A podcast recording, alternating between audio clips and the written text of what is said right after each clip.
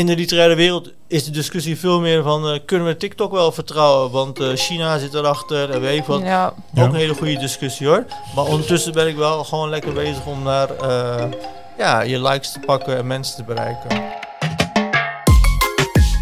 Hallo allemaal, welkom bij deze aflevering van Hub Talk. Een podcast waarin we vanuit de Social Hub met studenten, docenten en experts in gesprek gaan over verschillende thema's.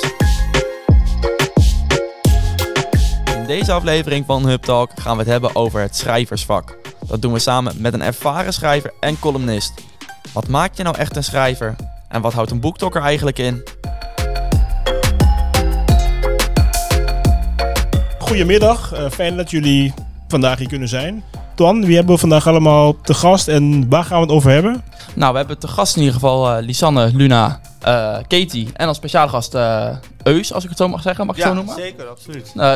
Eh, voor, de studenten die je misschien niet zo goed kennen, zou je misschien zelf even kort willen introduceren? Ja, natuurlijk. Ehm, nou, ik ben eh Uljan Akjol, eh, bijnaam Eus, zoals jij net zei. Ehm, ik heb eh, journalistiek gestudeerd, Nederlands gestudeerd. Daarna ben ik eh, gaan schrijven, boeken gaan schrijven. Later ook columns en televisie gaan eh, presenteren. Dus dat is een beetje eh, wat ik doe. Eh gaat alle kanten op eigenlijk. Nou, fijn om te horen. Zou je dat jullie ook willen introduceren? Ja, de studenten die we zeggen, hierbij hebben zitten. Want daar heeft Eu- Eus ook een idee. Nou, ehm, ik ben Katie en ik ben een boektokker. Dus ik lees veel en ik plaats hier filmpjes over op social media. Welkom Katie. Dankjewel. Luna, Ik ben eh, Luna. Ik eh, zat hier op school, dus ik ben uit oud-studenten. En eh, ik ben hier uitgenodigd omdat ik een boek heb geschreven. En dat ik zelf ook schrijver wil worden. Daarom zit ik hier. en uiteindelijk Lisanne? Nou, ik ben Lisanne en ik zit hier op school. Ehm, ja, ik lees eh, tegenwoordig heel veel boeken. Dus, eh, Do- ja, door Katie toch? Door Katie. Door Katie. ja. Katie is de influencer. Ja, kinder. Een beetje. Oké, leuk. Ehm, er zijn ook nog dingen die wij van jou nog niet weten. Dus eh, heb je een binding met, met de Zolle bijvoorbeeld? Of eh, heb je nog niet gepubliceerde boeken die, of verhalen die je nog graag wilt delen? Die nog niemand van weet?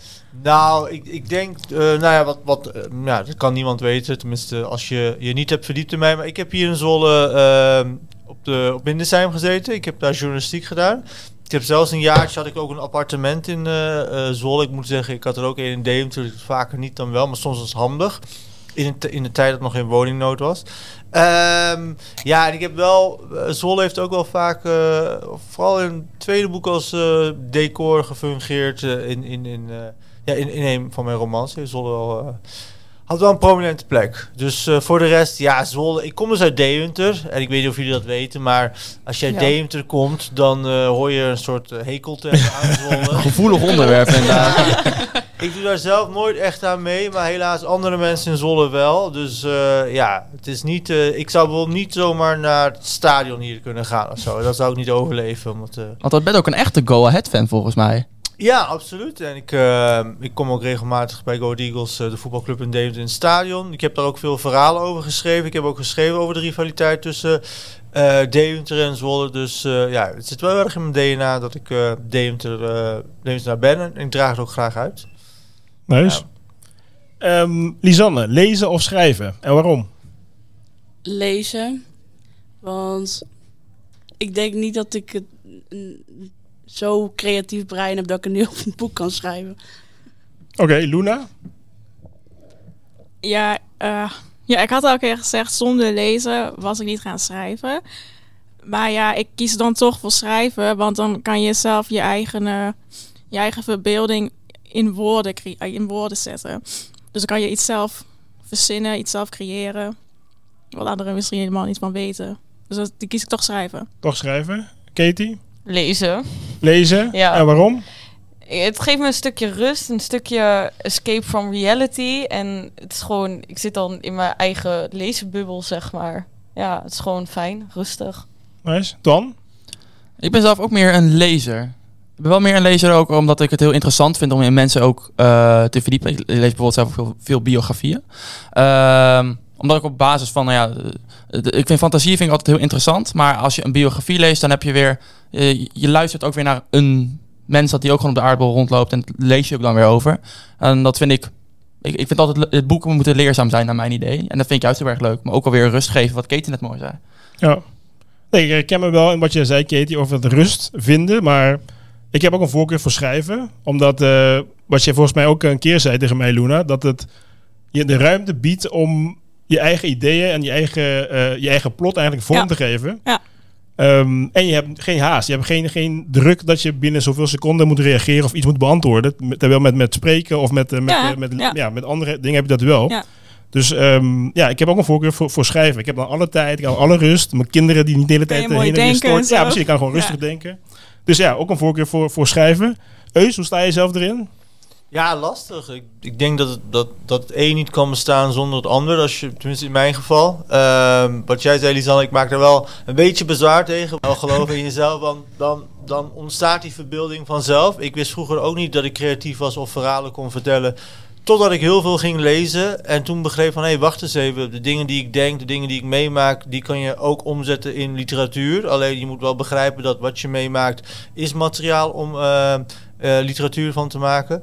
Eh, maar ik denk, als mensen mij vragen, jonge mensen mij vragen... van hoe kan ik schrijver worden, dan zeg ik altijd, begin met lezen. En voor mij is eh, lezen daarom ook nog steeds het allerbelangrijkste. Want als je schrijver bent, is het niet afgelopen. Je moet eh, door blijven lezen, je moet je door blijven ontwikkelen. Maar echt het schrijven zelf, dat is wel leuk wat jullie allemaal op een andere manier zeiden. Ik schrijf altijd diep in de ochtend. Ik word meestal vijf uur wakker. En dan, dan doe ik een capuchon op, eh, oordopjes in, eh, bril. Ik heb een bril, zet ik dan op. En, en dan verdwijn ik echt in die wereld. En het is wel heel mooi om even in een andere wereld te zijn. Het is natuurlijk niet echt een andere wereld, maar je bent wel echt aan het grasduinen in een wereld die jij creëert. Jij bent de schepper, jij bent degene die alles beleeft. En bij het lezen is het mooi dat je mee wordt genomen in andermans wereld. Dus dat is ook weer een andere sensatie. En lezen kun je ook overal doen. Ik weet niet hoe het met jullie is, maar ik kan niet overal schrijven. Ik kan alleen eh, ja, schrijven boven bij ons op zolder eh, met de gordijnen gesloten. Dus hoe ik net, daar kan ik alleen schrijven. Ik kan nergens anders schrijven. Ik zou nu niet eh, een laptop kunnen pakken en hier met al die prikkels hier in de omgeving. Ja, dat zien de mensen niet die er niet zijn, maar er zijn heel veel prikkels hier. Veel geluiden. Zeker. Dat, dat zo. En lezen lukt dan nog wel. Maar dat kan ik wel. Ik weet niet, heb jij dat ook? Dat Ja, ik lees overal. Ik, ik zit hier wel eens in de social hub en daar is het best wel druk altijd. Ik pak mijn boekje en ik ga lezen en ik sluit me af van iedereen. Ik lees echt overal waar ik de kans heb om te lezen. Ja, dat is, eh, dat is. Hebben jullie dat ook? Dat- Dat je echt. Nou, ik moet geen prikkels om me heen hebben. Ik moet wel echt stil hebben. Anders dan eh, kan ik niet helemaal het verhaal volhouden, zeg maar. Nee, ben je afgeleid. Ja. Ja. ja, dat is wel lastig. Ja. En jij? Ja, ik kan ook niet overal schrijven.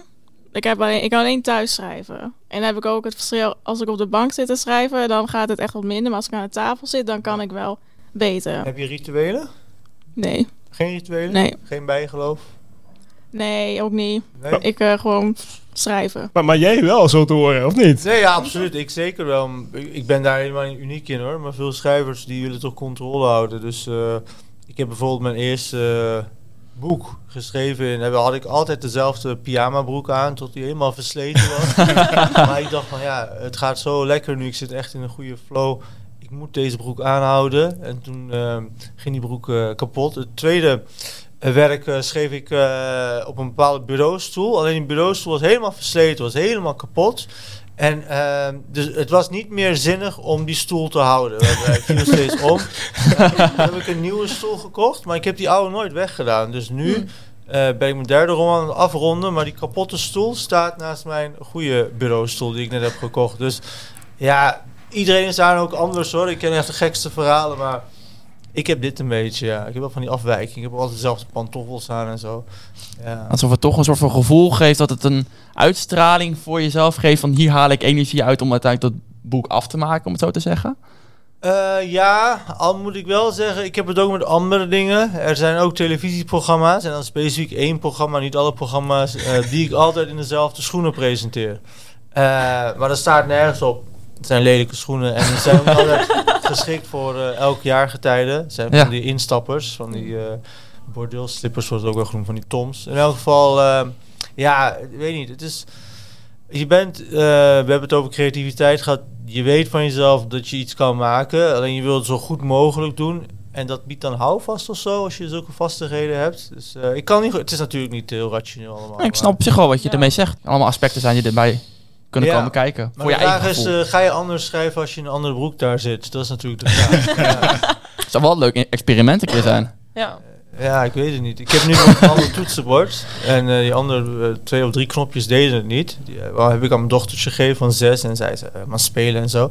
Ze heeft nog geen computer. Maar eh, die nieuwe toet- dat nieuwe toetsenbord was echt duur. 150 euro. Ik dacht van, het is een investering voor de komende tien jaar. Maar ik kan er gewoon niet aan wennen. Dus ik heb dat nieuwe toetsenbord aan mijn dochtertje gegeven. Het kapotte toetsenbord weer teruggepakt. En dus eh, dan moet ik af en toe vaker op de L drukken. Dat, eh, omdat hij hem niet meteen pakt en zo. Maar ja, het geeft toch meer eh, comfort, een beter gevoel. Dus ja, het zijn wel allemaal van die gekke dingen. Oh, ook wel weer bijzonder om te horen. Interessant. Ja. Ja. Ja, dit is totaal niet eh, representatief voor alle schrijvers, hè, voor de duidelijkheid. Eh, kennen jullie de tennisser Nadal? Zeker. Ja. Die heeft ook allemaal tik, hè? Die, die, die moeten af en toe zo zijn onderbroek uit zijn eh, bil halen, zeg maar. En eh, bal op een bepaalde manier wrijven en zo. En dat doet hij al zijn hele carrière. Dat is allemaal bijgeloof. Het is wel een succesvol uh, tennisser. Dus Ja, zeker. Maar de vraag is dan ook weer inderdaad van... eh, heeft- had hij niks gewonnen als hij dat allemaal niet deed? Maar hij is, hij is zo... Hier is een hele artikel over geschreven hoor, voor de luisteraar die nieuwsgierig is of voor jullie. Ehm, of, of hij dan niks zou winnen als hij dat niet zou doen. Ja, dat vraag ik me af. Ik denk het- dat hij wel zou winnen. Maar ja, hij heeft dat echt nodig ook.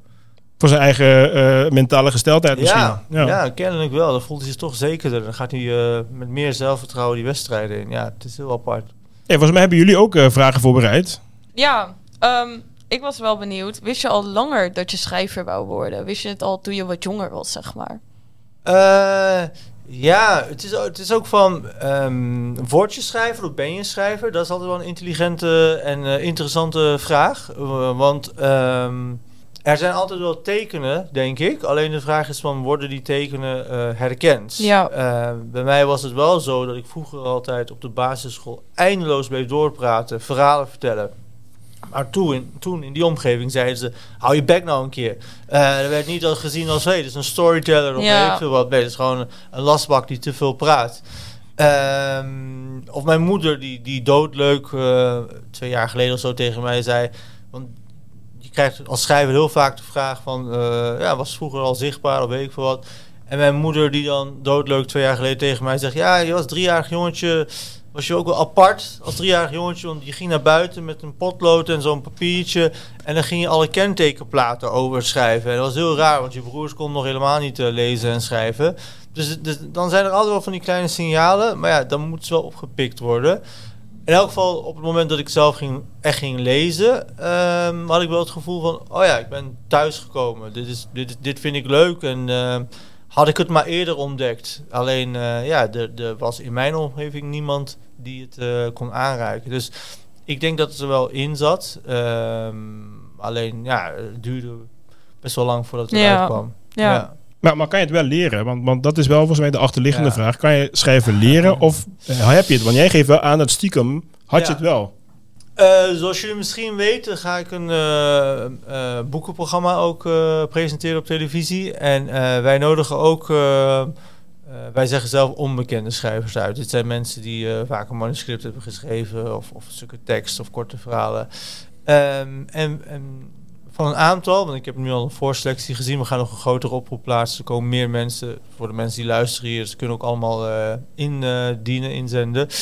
Ehm, van een aantal lees je dat ze op een schrijversvakschool hebben gezeten. Ik weet niet of iedereen weet wat dat is, een schrijversvakschool. Ja? Misschien de luisteraars niet. Dus voel je ja, nou vrij. goed, dat Ja. is echt een school gericht op eh, ja, jouw schrijver maken. Dus, ehm, dus de, de- dan weet je echt wel hoe je een zin moet componeren, waar je een komma moet neerzetten. Dat, dat een boek bestaat uit een protagonist, een antagonist, eh, dat er een, eh, weet je, een spanningsboog is, et cetera. Dat, dat, dat kun je allemaal uitleggen, de theorie. Maar of je dan ook automatisch meteen een schrijver eh, bent, eh, dus of je het kan leren, was jouw vraag. Mm, ik denk het niet, omdat, ehm, omdat, omdat je kan technisch heel goed schrijven. Dat betekent dus ook dat je bijvoorbeeld commerciële teksten heel goed zou kunnen schrijven. Of, of, of, of folders voor een eh strijkijzer. Ik zeg maar wat, ja, dat klinkt een beetje onaardig, maar...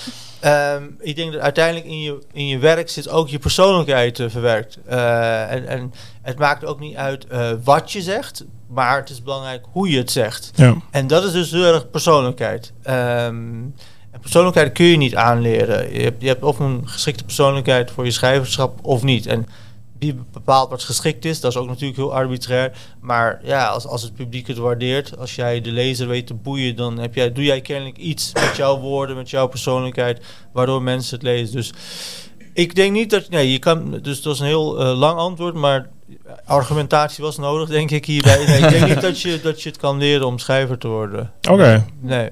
En, en ehm, als je iets schrijft, dan hou je rekening met je, met je lezer. Dat zei je ook net, van als je de lezer kan boeien. Ja. Maar hou je rekening met je lezer of schrijf je iets voor jezelf? En als ze dat boeien, is het aan hun? Ja, nou, nee, ik hou er wel rekening mee. Maar kijk, ik eh, schrijf heel veel. eh, voor de luisteraar die dat niet weet, ik schrijf wel columns voor verschillende media, verschillende kranten. Ik schrijf boeken, essays. Ik heb het boekweek essay geschreven in 2020. Ik hou qua stijl wel rekening met eh, voor wie ik schrijf. Dus als ik voor het Algemeen Dagblad de Stentor een column schrijf, ga ik er niet van uit dat zij ehm, heel literair zijn aangelegd. Dus dan ga ik niet te veel met stijlmiddelen werken als een hyperbol, eh, ironie, eh, een verwijzing naar een roman uit 1944 of zo. Dus je moet daar wel voorzichtig in zijn. Dus dan is het, ik wil niet zeggen dat je dan simpeler gaat schrijven, maar je houdt rekening met iedereen. Dat, iedereen moet kunnen begrijpen. Zelfs eh, eh, zeg maar van 16 tot 66, iedereen. Maar ja, als ik inderdaad een roman schrijf, dan eh, bepaal ik wat er gebeurt. En, en, en dan ga ik er ook wel van uit dat de lezer een intellectuele inspanning wil doen. En ook wel ehm, ja, bereid is om, om misschien een moeilijk woord op te zoeken. Een woord dat ik anders niet zou gebruiken in een column. Maar denk van ja, hallo, nu maak ik literatuur. Nu mag ik ook wel iets meer vragen van degene die eh, wellicht dit boek straks in handen krijgt. Dus eh, zeker, ik hou eh, per podium wel rekening met, met de ontvanger. Ja. Als ik het zo hoor ook, wa- wat is literatuur en wanneer is iets literatuur? Eh, nou, ik ben wel benieuwd naar de, de antwoorden van eh, jullie eh, gasten. En dan, eh, Zeker. Uiteindelijk ben, ik heel benieuwd naar de expertise Nee, van jou. ik heb hier natuurlijk heel lang over gedacht en heel lang over gepraat. Maar daarom vind ik het juist leuk om eerst te horen wat jullie eh, daarop antwoorden. En dan kan ik misschien nog eh, mijn gedachten daarover geven. Luna, heb jij een idee wat literatuur is?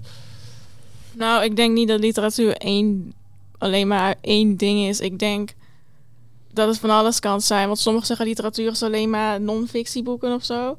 En ik denk zelf van nou, ik vind dat er wel, dat het wel meer is dan alleen non-fictie. Ja. Ik ken eigenlijk niemand die dat zegt. Wie zegt dat? Oh nee, maar dat zijn vaak van die oudere mensen hoor. Oh, Die echt oké. denken, ja, je moet dit gaan lezen. Een heel, heel biografie of zo. Oké. Ja, maar die... eh, Ja, ah, oké. Maar je hebt geen beeld van... Jij zou literatuur, jij zou literatuur niet in één zin kunnen vatten. Dus ik, Ja, nee, ik heb, ja, ik heb wel ja, een plaatje met wat het is. Maar kijk, ik kan het niet, ik kan, ja, ik kan niet zeggen, ik ben niet goed in praten, zou ik zeggen. Dan schrijf ik meer. Ja, oké, nee, maar dat maakt niet uit. Lisanne, jij, weet je wat literatuur, eh, wat zou jij zeggen dat literatuur is? Nou, heel eerlijk verdiep ik me niet heel vaak in literatuur. Maar ik vind literatuur vaak klinken als wat oudere verhalen of zo. Tenminste, het klinkt... Ja, ja, Ja, nee, maar dat Ja. is, kan, ja. ja hoe zeg je dat? Het klinkt minder interessant of zo. Ja, nee, Het klinkt zo niet. Maar het klinkt ja, moeilijker Moeilijk. dan... Ja, Ja, Ja, alsof heel veel moeilijke woorden in staan Ja. beschreven en het een heel moeilijk verhaal moet zijn. ja.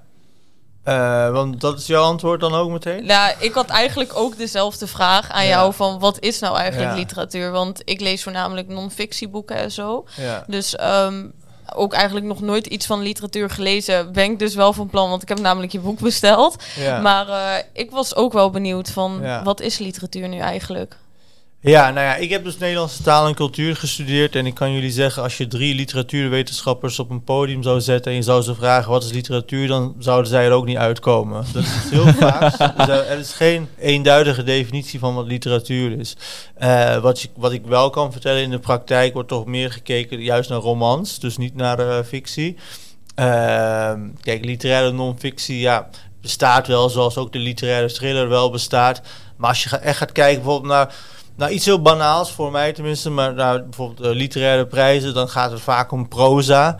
Maar niet om proza, eh, dus boeken die, die, die, die echt toegankelijk zijn geschreven. Ik zeg altijd voor de grap, ja, weet je, er moeten dan weer verwijzingen zijn naar bijbelse figuren. En, en, en, en eh, stilistisch moet, het, moet een zin minimaal eh 50 woorden zijn. En, snap je? Dus, dus het moet allemaal, het is een beetje hoogdravend, elitair en weet ik wat. En dan, dan wordt het literatuur genoemd. Maar dit is wel meteen, waar we nu over praten, is wel de grootste vijand van, van eh, het lezen in het algemeen. Dat mensen boeken gaan eh, categoriseren en gaan zeggen van ja, nee, dit is dit werkje, dit is helemaal niet goed, dit is geen literatuur, dit is, dit is ja, dus, dus, dus het is niks, het wordt niks, het zal ook nooit wat worden.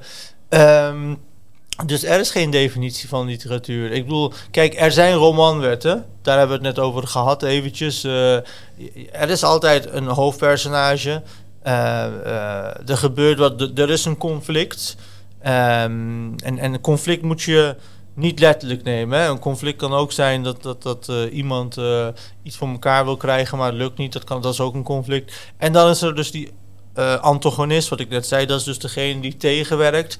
Nou, en, en, en eigenlijk, dat leer je op de, op de universiteit. dat zijn de basisrecepten van een roman. Ja. Um, en dus van literatuur. Maar hoe je dat verder invult... Um, ja, dat, dat staat je helemaal vrij. En interpretatie is helaas ook weer, dat gaat alle kanten op. Er is een soort literaire groegemeente. Inderdaad, vaak van die oudere mensen die, die nog in de kranten literatuur, ja. beschouwingen schrijven, et cetera. En die hebben waarschijnlijk helemaal geen idee wat jij doet op, uh, op TikTok en weet ik veel wat. Terwijl, ja, dat, dat heeft wel de toekomst wat jij daar doet. Dus ja, het is een hele interessante, maar het is ook een hele nare discussie. En uh, jullie zijn wat jonger dan ik. ik. Ik ben wat ouder dan jullie, maar ik ben ook niet heel oud. Ik ben 38. Um, het is ook wel een oude mensen ding of zo, weet je wel. Het is ook wel een boomer ding of zo. ja, ik denk ook wel als die, als die generatie uh, zeg maar weg is. Uh, ik hoop dat ze heel oud worden, maar als ze weg zijn, dat we dit soort discussies ook niet meer op deze wijze hoeven te voeren. Dat het ook veel inclusiever gaat worden Ja. in de literatuur. Nu is een heel duidelijke afbakening van, oh, dit zijn goede boeken. En dat is fantasy, dus dat, dat stelt niks voor. Zo, zo, ik Ja, wat. ik snap wat je bedoelt. Dus eh, ja, dat is wel een probleem. Maar eh, ja. Ik vond een mooie invalshoek voor wat je net ook zei. Want ik, ik denk nu eens aan. Heb je zelf ook wel eens gehoord van de term boektokker? Ja, nee, absoluut. Ik volg het fenomeen eh, met heel veel belangstelling. Omdat ik ook weet dat eh, ehm, op het moment dat als ik boeken schrijf of eh, nou, een boekprogramma op televisie ga, een boekprogramma ga presenteren, dan wil ik dat niet alleen voor oude mensen doen. Want als ik voor de NPO televisie maak, dan weet ik dat de gemiddelde kijker normaal gesproken op dat tijdstip eh, 60 plus is. Dus wat wij ook gaan doen is onze eigen, eh, eh, ja, wat zal ik zeggen, ons eigen hoekje eh, inrichten op TikTok met Eus Boekenclub. En dan gaan we ook onze eigen filmpjes maken en gasten uitnodigen.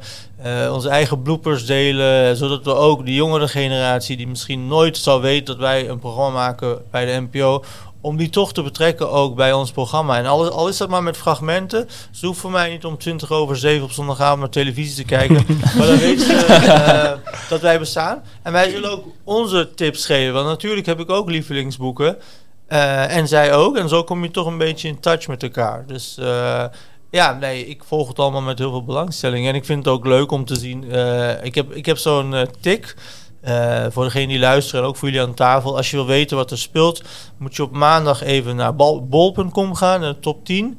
Kijken wat voor boeken, dan kun je de top 10 best verkochte boeken zien. Ja. En bij Bruna en, en bij eh, eh, Boekspot en Hebban, et cetera. En eh, tegenwoordig vermelden ze ook bij eh, bol.com als, als iets via eh, TikTok komt. Klopt, Dus, eh, de boektokkenboeken. Precies, Ja. die hebben zelfs een eigen categorie gekregen. Ja. Dus zo blijf ik ook op de hoogte van wat daar allemaal gebeurt. En ik weet altijd wel wat er in een boekhandel gebeurt, want ja, dat is van oudsher wat ik volg. Dus eh, ja, dat is voor ons ook de enige manier, denk ik, voor ons bedoel ik mensen die bij de NPO werken en die, ik ben dus dertiger, die dertiger zijn, om, om wel, om, om niet het, het, het contact kwijt te raken, raken met jullie generatie. Dus, eh, En heb je er ook wel eens over nagedacht om je eigen boeken te promoten via TikTok om meer jongere lezers te kunnen krijgen? Eh, ja, eh, alleen ik moet wel eerlijk zeggen dat ik heb al veel jongere lezers. Oké. Want ik kom eh, één keer per week op een middelbare school, minimaal één keer per week. Mijn boeken staan op de verplichte leeslijsten ook van de middelbare school. Dus ik heb elk jaar weer nieuwe lezers. Dus zeg maar iemand die nu zeg maar wat acht is of zo. Mhm. Daarvan weet ik dat die gewoon over acht jaar ook mijn boeken gaat Ja. lezen. Dus dat is wel een mooie gedachte als je, als je eenmaal je plek daar eh verwerft. Maar eh, straks met mijn derde roman, en dat was bij mijn vorige roman was TikTok nog helemaal geen ding. Maar mijn derde roman ga ik all the way qua promotie. Ga ik niet alleen tv, radio, weet ik wat, je- die posters bij eh, stations en zo. Nee, dan gaan we ook lekker los op Insta en TikTok, et cetera. Dus ik moet wel zeggen, en niet omdat, omdat ik het ben of weet ik veel wat. Dit is nog niet vanzelfsprekend in de literaire wereld. Omdat het zulke ouderwetse instellingen zijn. Ja. Ze hebben totaal geen idee van wat we aan het doen zijn. Eh, ik heb dan het geluk dat ik eh, omringd ben met eh, ook dertigers en nog jonge mensen. En ehm, één jongen bij ons op de redactie is echt heel erg handig.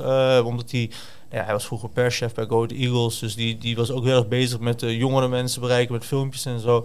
Dus dat is wel fijn dat je elkaars kennis met elkaar kunt in zo'n blender kunt gooien. En Ja. dan komt er iets heel moois uit. Dus, eh, maar het is niet vanzelfsprekend in de literaire wereld. Weet je, in de literaire wereld is de discussie veel meer van... eh, kunnen we TikTok wel vertrouwen? Want eh, China zit erachter en weet ik wat. Ja. Ja. Ook een hele goede discussie hoor. Maar ondertussen ben ik wel gewoon lekker bezig om naar... ja, je likes te pakken en mensen te bereiken. Nou, ik ben wel benieuwd naar de TikToks die komen gaan dan. Ja, nee, eh, het, het, eh, de boekenweek gaan we, gaan we je verrassen hopelijk. Dus, Leuk. eh, ja. Ik ben benieuwd. ja, en je mag ook langskomen als je wil. Oh, super Dus- tof. ja. Ja. ja, Daar zeg ik geen nee tegen. Ja, nee, wees allemaal welkom trouwens. Heel leuk. Luna, wil je nog iets vertellen over je eigen boek? Ja, mijn inspiratie om te schrijven kwam dan meer met... eh, toen ik op de praktijk, praktijkschool zat in Koevoorde. Toen gingen we een film maken. Dat zat ik in het derde jaar. Toen ging ik het script schrijven. En toen... eh, nou, ik had het dus geschreven. Maar toen dacht ik, nou, het was wel leuk om te doen. Dus toen kwam ik in keer met het idee met... Wat nou als ik dan verder ga schrijven? Verder boeken ga schrijven? En nou, heel veel waren dan niet gelukt. Die waren niet afgekomen. Dus dacht ik, dan moet er iets voor dat andere boek komen. En zo ben ik Ja. gaan begonnen. Tot ik eindelijk eentje afkreeg. ja. En hoe, hoeveel, weet je hoeveel woorden je manuscript is? Of je, je, je verhaal? Nou, het begin 200.000. Zo. Maar nu toen dat ik wat korter maken. Ja. Of je zou een trilogie van kunnen maken, drie delen. Ja. Dat is ook nog kunnen. Ja, wel een serie. Maar je zei in het begin 200.000 en toen? Wat gebeurde daarna? Ben je gaan schappen of zo? Of ben je, Ja, ja, ik wil nog gaan schrappen. je wil gaan Ja, schappen? ja. Is dat iets wat je zelf hebt bedacht of wat iemand anders heeft gezegd? Nee, nee, heb ik zelf. Heeft iemand het al gelezen? Ja, ik, heb- nou, ik had wel gestuurd naar de uitgeverij. Alleen die, die vond het vooral interessant. En was dan, ja... Was eh, niet eh, voldoende. Ik moest maar vijf hoofdstukken sturen. Oh, zo. Ja. Maar eh, die wat was niet... het was te lang of zo. Maar die had ook niet alles gezien. Oké. En ben je dan, eh, ben je dan ten neergeslagen na zo'n antwoord? Of denk je van, het komt wel goed? Nou, ik dacht, het komt wel goed. Mhm. Want ik had ook wel verwacht. Want het is ook niet heel makkelijk om Nee, gepubliceerd te worden. nee, zeker Vooral met niet. fantasy. Nee, het is ook een heel het is een genre dat in Nederland in ieder geval niet veel gemaakt wordt. In het buitenland iets meer, maar Ja. weet dat denk ik eh, beter. Ja, de, de- het begint nu wel steeds meer in Nederland te komen. En steeds Engel, meer worden Engelse boeken wel vertaald naar het Nederlands Ja. van fantasy. Maar in het buitenland is het natuurlijk wel veel Ja. groter. En eh, om je gerust te stellen, of misschien helemaal niet trouwens. eh, ik kan je zeggen dat eh, bij een gemiddelde uitgeverij in Nederland komen eh, nou, zeg maar in een maand duizend manuscripten binnen. En eh, weten jullie hoeveel daarvan uiteindelijk ook een boek worden? Ik denk heel weinig. Ik denk echt op één hand te tellen wel. Ja, eentje. Eentje. Ja. Ja, eentje. Van duizend manuscripten wordt eentje maar echt een boek. En dat betekent niet dat al alles slecht is of zo. Maar je moet maar net... Het is ook geluk. Je moet maar net een goede redacteur hebben. Het juiste moment. Net dat ze iets nodig hebben binnen een fonds. En eh, de mensen die ehm, manuscripten opsturen... Want ik heb stage gelopen bij een uitgeverij... en ik mocht die manuscripten beoordelen. Eh, die mensen, dat zijn echt wel... Dat, dat zijn niet zeg maar van die pannenkoeken of zo. Dat zijn echt wel eh, docenten Nederlands, ehm, Ja. eh, redacteuren bij een uitgeverij, politici, et cetera. Alles wordt afgewezen. Er wordt echt gekeken naar van wat is ehm, de kwaliteit van het werk. Gaat dit een breed publiek bereiken? En eh, wat dat betreft heb ik ook wel een, misschien wel een hoopgevend verhaal. Eh, een vriend van mij is ook schrijver, Robert Vuistje. En eh, hij heeft het boek alleen maar net de mensen geschreven, ik denk 15 jaar geleden of zo. Ehm, en toen hij dat boek als manuscript had. Kijk, dat boek zou trouwens nu helemaal niet meer kunnen inhouden, maar dat even terzijde. Eh toen hij dat boek als manuscript had, toen heeft hij het eerst is, is het naar een uitgever gestuurd en nog een uitgever, nog een uitgever. Ik geloof eh, ruim 30 uitgevers hebben dat boek afgewezen. Ruim 30, eh, dus het manuscript. Hebben gezegd, dit past niet bij ons, eh, we vinden het niet goed, het werkt niet. En uiteindelijk was het toch één uitgever na twee jaar, dus hij was heel erg eh, volhardend. Die heeft gezegd van ja, we gaan het doen. En toen eh, is het boek eh, uitgekomen, eh, begon langzaam, werd een enorm succes. Meer dan 200.000 exemplaren verkocht, zeg ik even uit mijn hoofd. Het werd verfilmd, et Ja. cetera. Het won prijzen ook nog een keer. Dus eh, het is een hele gekke wereld wat het Ja. betreft. Dus voor iedereen die schrijft, ook niet alleen jij, maar ook de luisteraars, je moet je niet laten ontmoedigen door een eh, afwijzing of iemand die het niet goed begrijpt of weet ik veel wat. Je moet altijd wel kritisch blijven, goed naar jezelf blijven kijken van wat kan ik anders doen. Maar één mening is maar één mening. Het is geen mening van een heel land of zo. Dus Ja. eh, dat is wel goed om te weten. Nog, nog een vraag, hè? Hoe krijgen we mbo-studenten meer aan het lezen? Eh, nou, ten eerste eh, laten zien in hun dagelijks mediagebruik. Kijk, dat, hoort, dat ziet de luisteraar niet, maar ik zit om me heen te kijken en ik zie eh, jonge mensen op laptops en weet ik veel wat. om, om, om, kijk, ja, hoeveel mensen zien we nu een boek lezen? Echt nul. Dus eh, ehm, toch, toch uitleggen wat, wat die waarde van literatuur is. Dat, dat zou thuis moeten beginnen. Eh, dat gebeurt thuis ook wel. Want al- altijd als ik op middelbare scholen vraag van wie is er vroeger als kind voorgelezen, nou heb je een eh, 100% score bijna, of 98%. Maar dan als je dan vraagt van wie heeft nu een hekel aan lezen, dan, dan is dat oh, vaak meer dan de helft. dus, dus er gaat onderweg gaat er iets verkeerd. Ik denk eh, thuis sowieso. Eh, natuurlijk, kijk, ik ben geen oude man die gaat zeggen van jongens niet meer op Instagram en niet meer gaan gamen. Ik zit ook op Instagram en TikTok, hebben we het net over gehad. Eh, alleen wel echt heel goed uitleggen waarom lezen belangrijk is. En, en, en eh, niet als een agent of een dominee, maar echt wel uitleggen waarom het zo belangrijk is.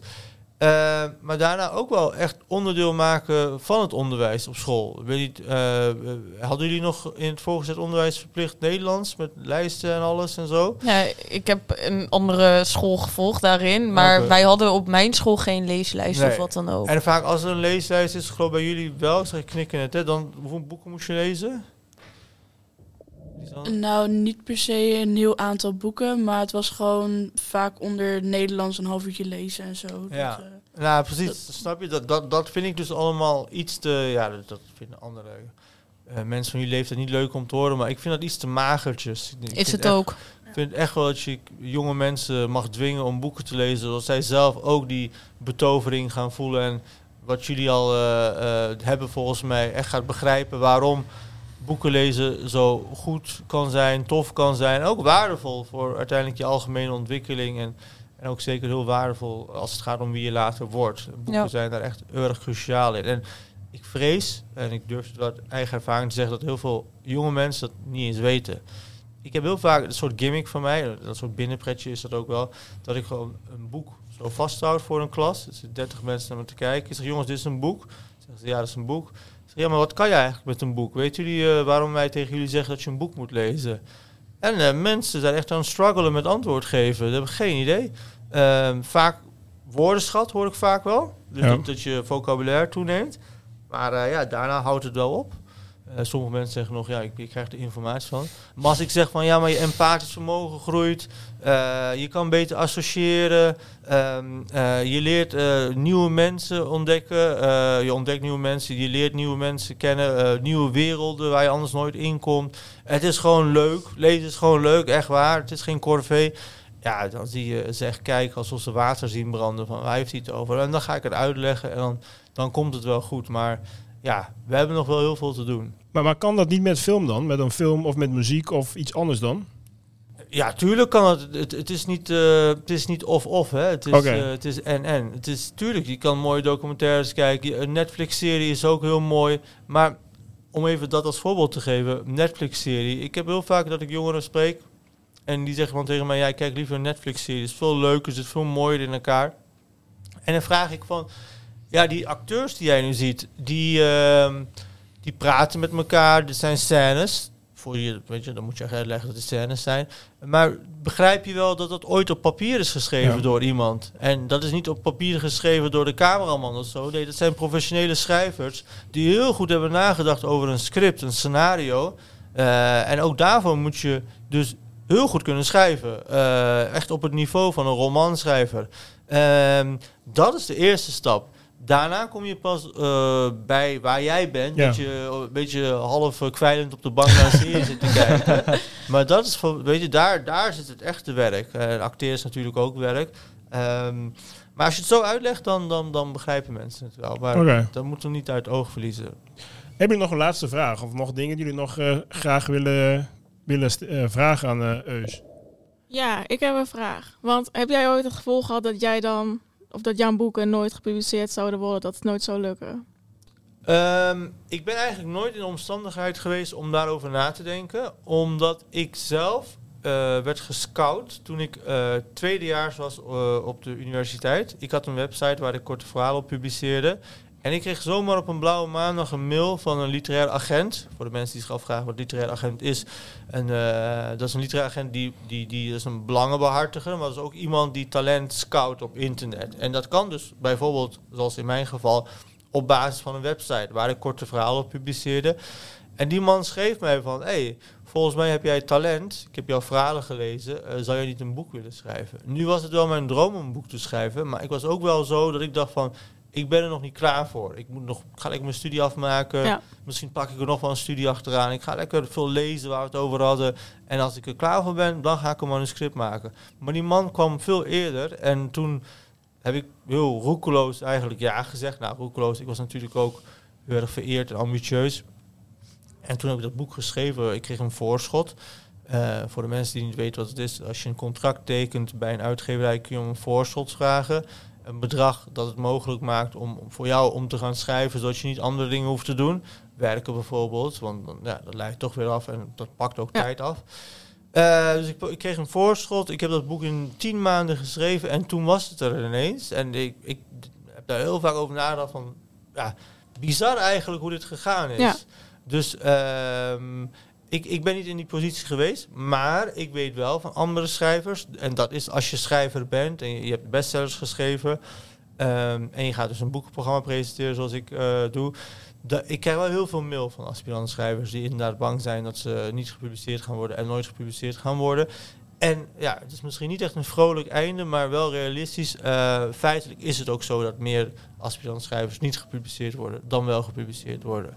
Dat betekent natuurlijk niet dat je nu maar alles moet laten liggen en een andere hobby moet gaan zoeken of zo. Maar ehm, ja, het is wel een werkelijkheid. Eh, als ik in mijn mailbox kijk, eh, altijd eh, zit er een manuscript in. En ja, soms denk ik nog wel eens de moeite om te lezen, maar ehm, het is niet best. Eh, de, Ja. de, de, de kwaliteit eh, houdt niet over, zeg maar. Ja. Oké. Ja. Ehm, nog een laatste vraag voor jou. Je bent van Turkse kom af. Eh, gisteren weer een eh, aardbeving in, eh, in eh, Turkije, de grens met Syrië. Hoe ervaar jij dit? Eh, eh, ja, hoe ervaar ik dit? Ja, ik ben heel veel ge- geweest in dat gebied. Afgelopen jaar wel drie keer geweest echt in dat gebied. Dus ik vind het wel eh, heftig om te zien. Ik heb er geen familie wonen, dus wel kennis, omdat ik ook een documentaire heb gemaakt. Eh, dat is allemaal verwoest nu. En ik vond het meest confronterende wel dat ik afgelopen zaterdag eh, kreeg van onze regisseur op, de, op Instagram, eh, of tenminste op WhatsApp een berichtje. En hij had op eh, Instagram gezien dat het hotel waar wij sliepen anderhalf maand geleden was ingestort. Zo van, hé, dat is wel echt fucking bizar. Want als wij daar anderhalf maand geleden waren, dan Waren we er niet meer? waren wij er niet meer. Ja. Nee, precies. Dus, eh, maar dit moet ook weer niet eh, worden van uh, how can I make this about me? Dat is het niet. Maar het is wel zo, ook al is er geen familie daar, het houdt je wel constant bezig. Het heeft toch te maken met, nou, we hebben het hier over boeken gehad en taal en literatuur. Als ik naar die beelden kijk, de camerabeelden, dan, dan hoor ik denk ik net iets meer dan de Nederlandse kijker, omdat ik dezelfde ja. taal spreek. Dus ik hoor veel meer de, de, de wanhoop. De pijn Eh, van ja. de... Ja, ja, ja. ik hoor veel meer het verdriet, veel meer. Ik, ik begrijp natuurlijk eh, de intonatie, eh, de woorden die niet worden vertaald. Ik hoor het allemaal. Dus het komt allemaal net wat harder binnen, omdat ik. nou, dit, dit is dus echt een voorbeeld van taal. Maar- maar prikkelt dit of stimuleert dit juist om de levensverhaal of het verhaal van die mensen of het gebied te gaan schrijven? Nee, helemaal niet. Je Helemaal niet? Nee, nee, helemaal niet. Je moet nooit midden in een ramp gaan schrijven. Het, is ook... Dat was met corona ook zo. Toen kwamen er opeens allerlei corona-romans uit. Dat sloeg helemaal nergens op. Je moet altijd wel een zekere distantie hebben tot wat je maakt. Ehm, Dus, dus eh, het, het prikkelt misschien wel om later iets te gaan doen over dit onderwerp. Maar niet midden in de emotie. Dat is ook meteen een tip voor iedereen die eh, schrijver eh, wil worden. Of het misschien al is. Als je iets gaat schrijven, doe dan wel even strip het eerst van jouw eigen persoonlijke emotie. Want dan komt die emotie veel beter over op papier. Oké. Ehm, Twan? Ik heb eh, verder geen aanvullingen meer, Ramiro. Nee, eh Eus, bedankt voor je tijd. En eh, voor je komst. Lisanne, Luna, Katie. Bedankt ook voor jullie, voor jullie bijdrage. Ja, jullie bedankt, was leuk, was interessant. Ja. Thanks. Fijn om te horen, dankjewel. Ja. Yo. Dit was weer een aflevering van Hub Talk. Bedankt voor het luisteren. Wil je meer weten over Hub Talk? Reageren op een aflevering, meedoen of in contact komen met de Social Hub? Volg ons dan op onze socials. Social Hub Deltion. Daar vind je de laatste updates van Hub Talk en activiteiten van de Social Hub. Tot de volgende!